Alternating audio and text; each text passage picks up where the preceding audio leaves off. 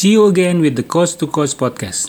This time, Coach to Coach will be starting a new series called the Futsal Corner. Plan every two weeks we'll discuss futsal event both in Indonesia and abroad. For the first episode of Futsal Corner, Coach to Coach will highlight three players which are professional top scorer of the 2023 Pro Futsal League. Let's listen together. Who are the three players who are the current top scorers in the 2023 Pro Futsal League? The first is Bagus Simawan with 6 goals. Bagus Simawan, a player who was born and raised in Mataram, was born on January 5, 1995. Position as an anchor. He joined the Pro Futsal League since 2016, which at that time was promoted to Pro Futsal League with Vamos Mataram in 2018 and stayed at the club until the 2022 season. In the 2022 season, Bagus Himawan's performance was also quite impressive, playing in almost all of Vamos matches throughout the season and becoming a captain, making many positive influence by scoring lots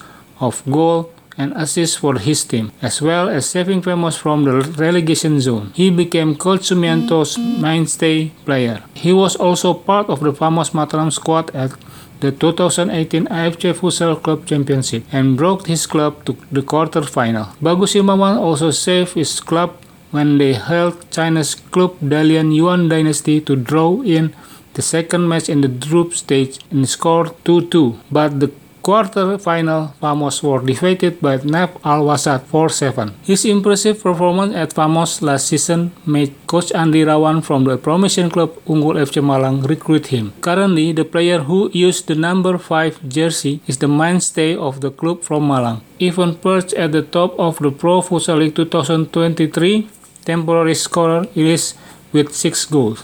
He scored these 6 goals in his 4 matches with Unggul FC when they lost to Pelindo FC 1-2, Bagus scored from the penalty spot.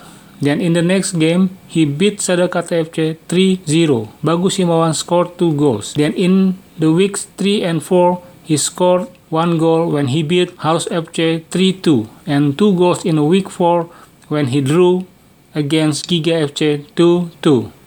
Second is Irfan Maulana with 5 goals a player born in Jakarta on 26 May 1998 who started his career with the Diking Halus FC when he won to the Nusantara Futsal League in 2017. However, he had not decided to join the Pro League at the time because he still wanted to play one more year in the Liga. Futsal Nusantara in 2018 with Devina FC North Jakarta won a third place and qualified for the 2008 Pro Futsal League. It was only in 2019 that Irfan Maulana decided to join Halus Futsal. In 2022, Irfan Maulana joined Pelindo FC and is currently trusted by Coach Sayan Karmadi to strengthen Vamos. This belief was answered by Irfan by scoring 5 goals in the first 4 weeks of the 2030 Pro Futsal League. These 5 goals were created while contributing 1 goal and helping Vamos was draw against Bintang Timur Surabaya 4 and 4. 1 goal when beating Cosmo Futsal 4-1, 1 goal when the loss his, to his former club Pelindo 4-2, and 2 goals when they lost to Sadakata 4-8. And the third is Andriyana Ekayana with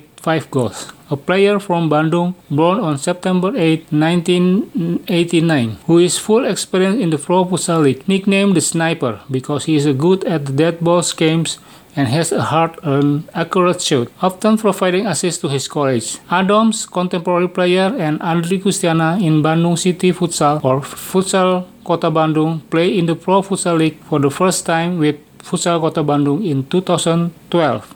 Then FC Livido Bandung in 2015. Then in 2016 he joined Famos Mataram and won the championship with Famos in 2017. In 2018, Adriana Eko joined Giga FC after from Famos.